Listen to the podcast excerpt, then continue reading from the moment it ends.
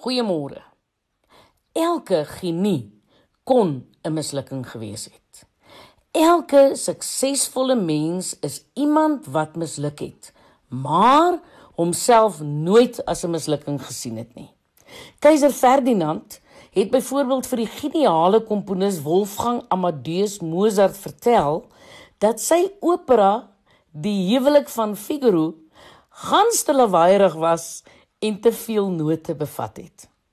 Die kunstenaar Vincent van Gogh, wie se skilderye rekords opgestel het met die pryse wat hulle op veilinge behaal het, het in sy lewenstyd net een skildery verkoop.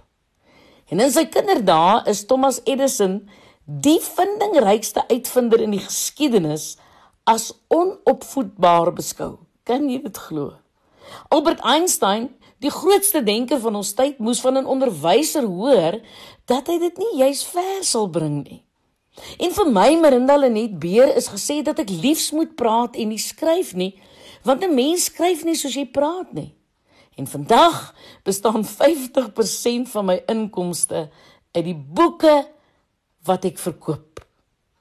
Sal jy ja jy wat nou luister, asseblief in hierdie nuwe jaar volhard in wat jy ook al sal aanpak. Ek is Lenet Beer vir Groot FM inspirasie.